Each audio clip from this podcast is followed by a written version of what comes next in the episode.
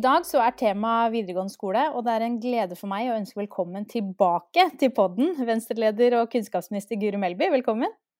Veldig fint å få være i min favorittpodkast. ja, du er jo vår uh, true friend of the pod. Uh, og nå må jeg også gratulere deg da, med at du har nådd ett år og akkurat to uker i kunnskapsministerstolen. Hvordan føles det å ha bikka det jubileet? Jo, det føles jo eh, veldig fint. Samtidig så er det jo litt krevende at vi på mange måter er litt der vi var i mars i fjor.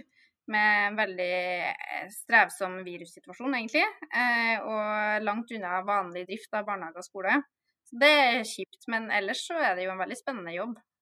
Og nå skal du jo legge fram kanskje ditt største arbeid som, som, minister, nemlig fullføringsreformen for videregående skole. Kan du ikke fortelle oss litt hva, hva det betyr, og hva den reformen innebærer? Ja, Uh, det her er jo en av de sakene jeg har fått jobba med nesten helt fra starten. Trine rakk jo uh, å starte den opp uh, rett før jeg kom inn i departementet. men jeg har jo fått vært med nesten hele veien. Dette er jo en reform som har som hovedformål å bidra til at enda flere greier å fullføre videregående opplæring. For det er jo sånn i dag at Riktignok har vi greid å heve gjennomføringsgraden ganske bra de siste årene, så nå er det ca. 78% av et kull som fullfører etter fem eller seks år. Eh, men det betyr jo fortsatt at det er 22% som ikke fullfører, eller som må bruke veldig mye lengre tid enn det. Og Det som er utfordringa i dagens samfunn, er at du sliter veldig med å komme deg videre med enten jobb eller studier dersom du ikke har fullført videregående opplæring. Så det er viktigere enn noensinne å greie å fullføre og få med seg et vitnemål eller et fagbrev. Så regjeringa har jo som ambisjon at ni av ti, eller minst ni av ti, skal fullføre videregående opplæring. Og da har vi gjort en rekke ting som er viktig for det, bl.a. mer tidlig innsats, sørge for at alle kommer seg inn i barnehage og alt dette her. Men nå er tida kommet til også å gjøre noen grep med videregående opplæring. Videregående har jo vært relativt uendra faktisk siden jeg gikk der sjøl, eh, siden Reform 94. Riktignok noen endringer i studieprogram og fag og litt sånt. Og vi fikk jo fagfornyelsen fra i fjor som har begynt å rulle inn. Men likevel så er liksom hovedstrukturen den samme. Og det vi har sett, det er at Reform 94 det har skapt en del sånne fallgruver, da. Eh, som gjør at en del ungdom ikke kommer seg gjennom. Og hovedjobben med denne meldinga er egentlig å rette opp noen av de negative sidene og noen av de skjevhetene som da gjør at en del ungdommer ikke greier å fullføre. Ja, for, kan du ikke si litt mer om de utfordringene? Altså for dette, det er jo en rekke ting denne reformen skal løse, men, men, hvorfor trenger vi en slik reform? For det første så er det jo sånn at de rettighetene vi har lagt til elevene i dag, de er faktisk et hinder for at flere greier å fullføre. For sånn som det er i dag, så Hvis du starter f.eks. på et studieforberedende løp, og så går du der i tre år, og så stryker du kanskje på et fag eller to, kanskje på en eksamen, og ikke får vitnemål, da har du brukt opp retten din så da har du egentlig ikke rett til å få lov til å fullføre. Og det som er så dumt med det, det er Du kan jo få en voksenrett igjen etter noen år eh, og kvalifisere for det, men da har du noen år midt imellom der du egentlig ikke har rett da, til å gjøre ferdig videregående. Og så er jo egentlig alle enige om at det mest fornuftige, den 20-åringen som mangler to fag, kan bruke tida si på, det er jo å ta de to fagene. Det finnes ingen andre tiltak Nav kan sette inn som er mer effektiv for den ungdommen enn det. Så da er det veldig teit at vi har utforma retten på en sånn måte at du ikke får mulighet til å gjøre det som alle mener du åpenbart burde kunne gjort. Så det er jo en av de tingene vi nå forsøker å rette opp, og som vi allerede har forhåndsmeldt i denne meldinga, at vi skal utvide retten så den ikke blir tidsbegrensa, men sånn at det blir en rett til å faktisk fullføre videregående opplæring. Og hvordan vil den eh, se ut i praksis? Betyr det at jeg hvis jeg skulle tatt videregående skole nå og fullført den nå når jeg fyller 30, kunne jeg gjort det da? Ja, for det vil jo bety egentlig flere ting. For det første så vil det bety at hvis du da er 16 og starter på videregående, men ikke greier å bli ferdig innen du er 19, så kan du fint bruke et år til. Men det som egentlig er enda bedre med at vi utvider retten, er at vi i mye større grad kan lage opplæringsløp som er mye mer tilpassa den enkelte elev.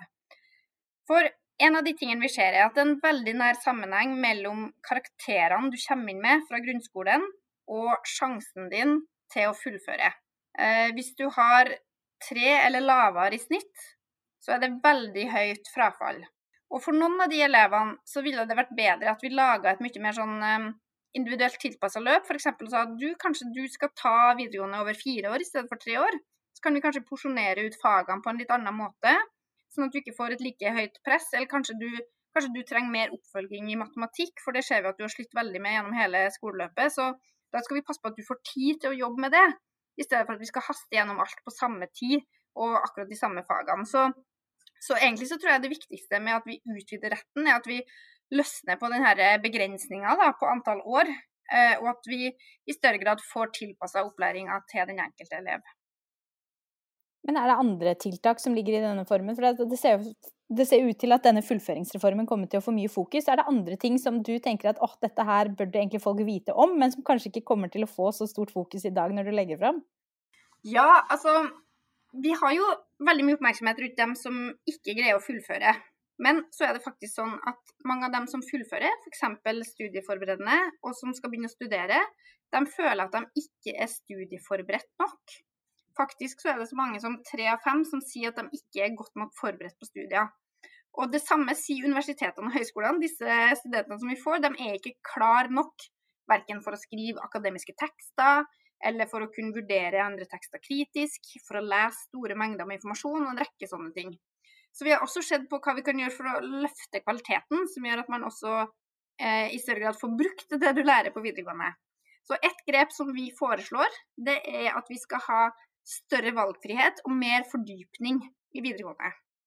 Eh, og alle som da enten eh, går i videregående sjøl, eller som husker fra sin egen tid i videregående, husker at du har ganske mange sånne obligatoriske fellesfag som alle må ha. Og så har du noen sånne fordypningsfag som du velger deg. Vi vil nå at det skal bli mer valgfrihet, flere fordypningsfag og færre av disse obligatoriske småfagene som du har kanskje to timer i uka i ett år, og som du kanskje ikke lærer så mye nytt på, egentlig. Eh, sånn at du får i større grad liksom designa den utdanninga du har lyst på. da. Så hvis du, lyst, hvis du tenker at jeg kommer til å studere historie og statsvitenskap, så, så, kan du jo lese på med fag som er relevant for det. Mens hvis du tenker at du, jeg har lyst til å studere språk eller realfag, eller noen sånne ting, så kan du ta flere fag som er retta inn mot det. Og så er det noen som er litt redd for den valgfriheten, fordi man er redd for at man tvinger til å ta et yrkesfag for tidlig. Men vi tror jo også sånn at det kan godt hende at du velger deg fordypning da, i historie og samfunnsfag, og så finner du ut at du vil ta språk likevel. Og vi mener at det skal ikke ha noe å si, for det er bedre at du har lært deg noen ting skikkelig. For da har du lært deg evnen å gå ordentlig inn i fagstoff. Eh, og det er ikke noe hinder for at du da kan gå videre med andre fag, egentlig, når du skal begynne på universitetet, f.eks.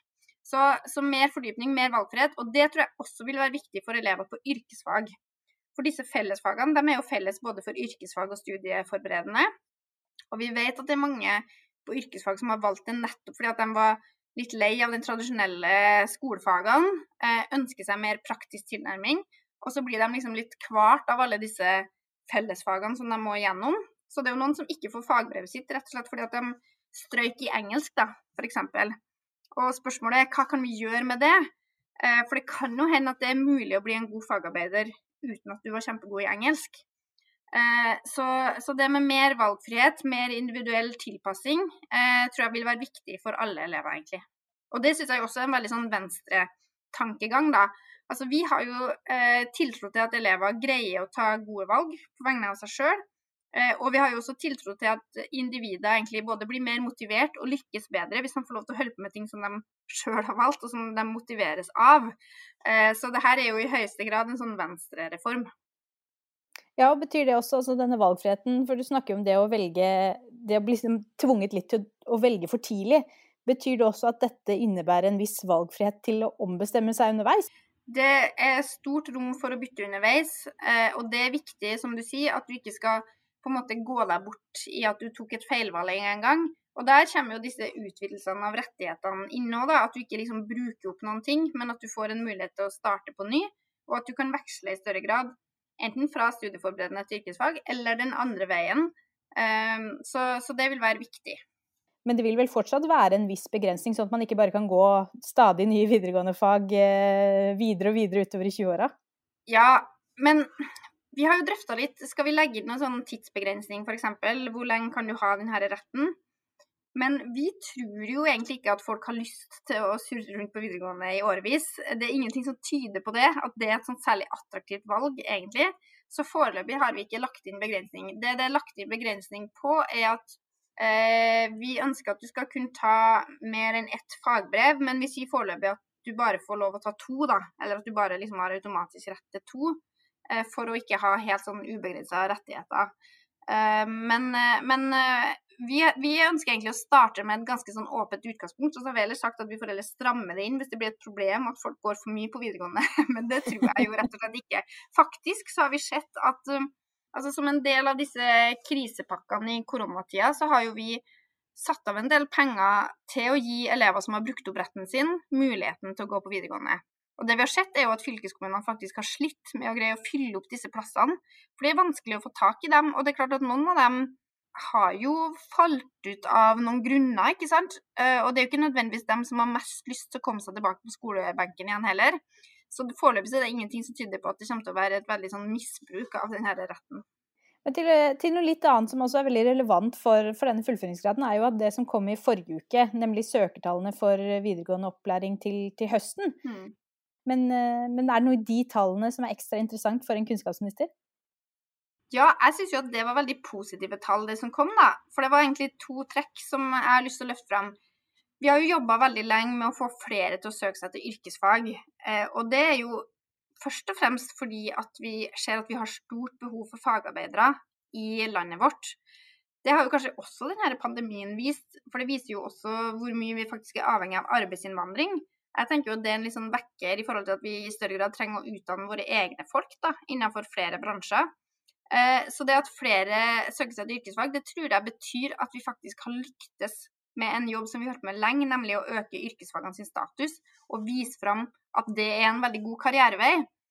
Eh, også det andre som var veldig kult, var jo at noen av de eh, mest guttedominerte linjene, eh, sånn som eh, byggfag og industrifag, der var det en økning i antall jenter som søkte. Og det syns jeg også er bra. Både fordi at vi trenger Eh, et mindre kjønnsdelt arbeidsmarked. Eh, det tror jeg er bra egentlig i alle yrker, at vi har eh, både kvinner og menn da, i alle yrker. Men så der òg, tenker jeg ut ifra et venstreperspektiv, så handler det jo egentlig også om at vi i større grad legge til rette for at den enkelte kan gjøre det som oppleves som et godt valg for seg sjøl. Og det jeg tror er at hvis et fag blir veldig guttedominert, så blir det en høyere terskel for ei jente som er interessert i det faget, å søke seg dit. Men hvis det er litt flere jenter som går der, så fjerner vi liksom litt den terskelen. Så det betyr Jeg tror nok ikke vi kommer dit at det kommer til å være 50-50 på alle fag. Det er på en måte ikke målet heller. Men målet mitt er at vi skal liksom over en sånn kritisk grense da, i flere fag. Sånn at det går an for disse jentene som har lyst til å gå på bygg og anlegg og søke seg dit, og at det går an for de guttene som har lyst til å bli helsefagarbeidere og søke seg til en sånn linje.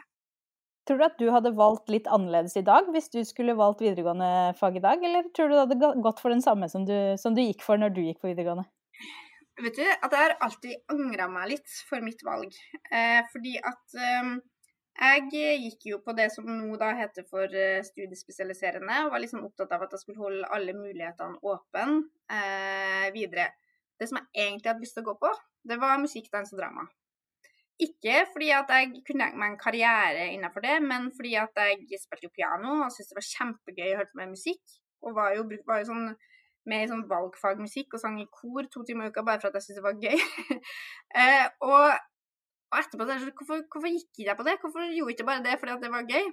Og det har jeg faktisk tatt med meg i arbeidet med denne meldinga. at et av de spørsmålene som vi stilte oss i starten, var jo trenger vi alle disse forskjellige studieforberedende linjene? Trenger vi musikk, dans og drama? Trenger vi idrettsfag? Dersom vi innfører mer valgfrihet, så kunne man tenkt seg at alle går på det samme, og så får du bare valgt fag. Men det vi ser, er at disse linjene musikk, dans og drama og idrettsfag, de er kjempepopulære.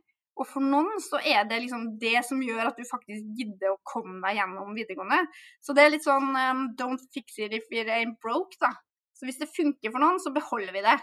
Eh, så får vi heller se om noen år om det kanskje blir overflødig, for kanskje alle kan få velge å ha litt musikk selv om du går på studieforberedende, da. Men Nei, så Min oppfordring er alltid du må følge den der magefølelsen. altså Ikke hør på de snusfornuftige foreldrene som sier at nei, det er veldig viktig å ha matte for tilfelle du skal studere økonomi. altså det løser seg. ja, det er egentlig et veldig godt råd. Alt sånt ja. kan fikses etterpå hvis du plutselig yes, finner at det er ting du trenger å fylle. ja. Men, men, hva er det som skjer videre nå? Altså, nå legger du fram denne reformen, men, men eh, hvordan, eh, hvordan, går dette videre? Hva er prosessen? Ja, nå legger jo vi fram reformen på fredag, og det betyr også at den kan behandles på Stortinget til våren.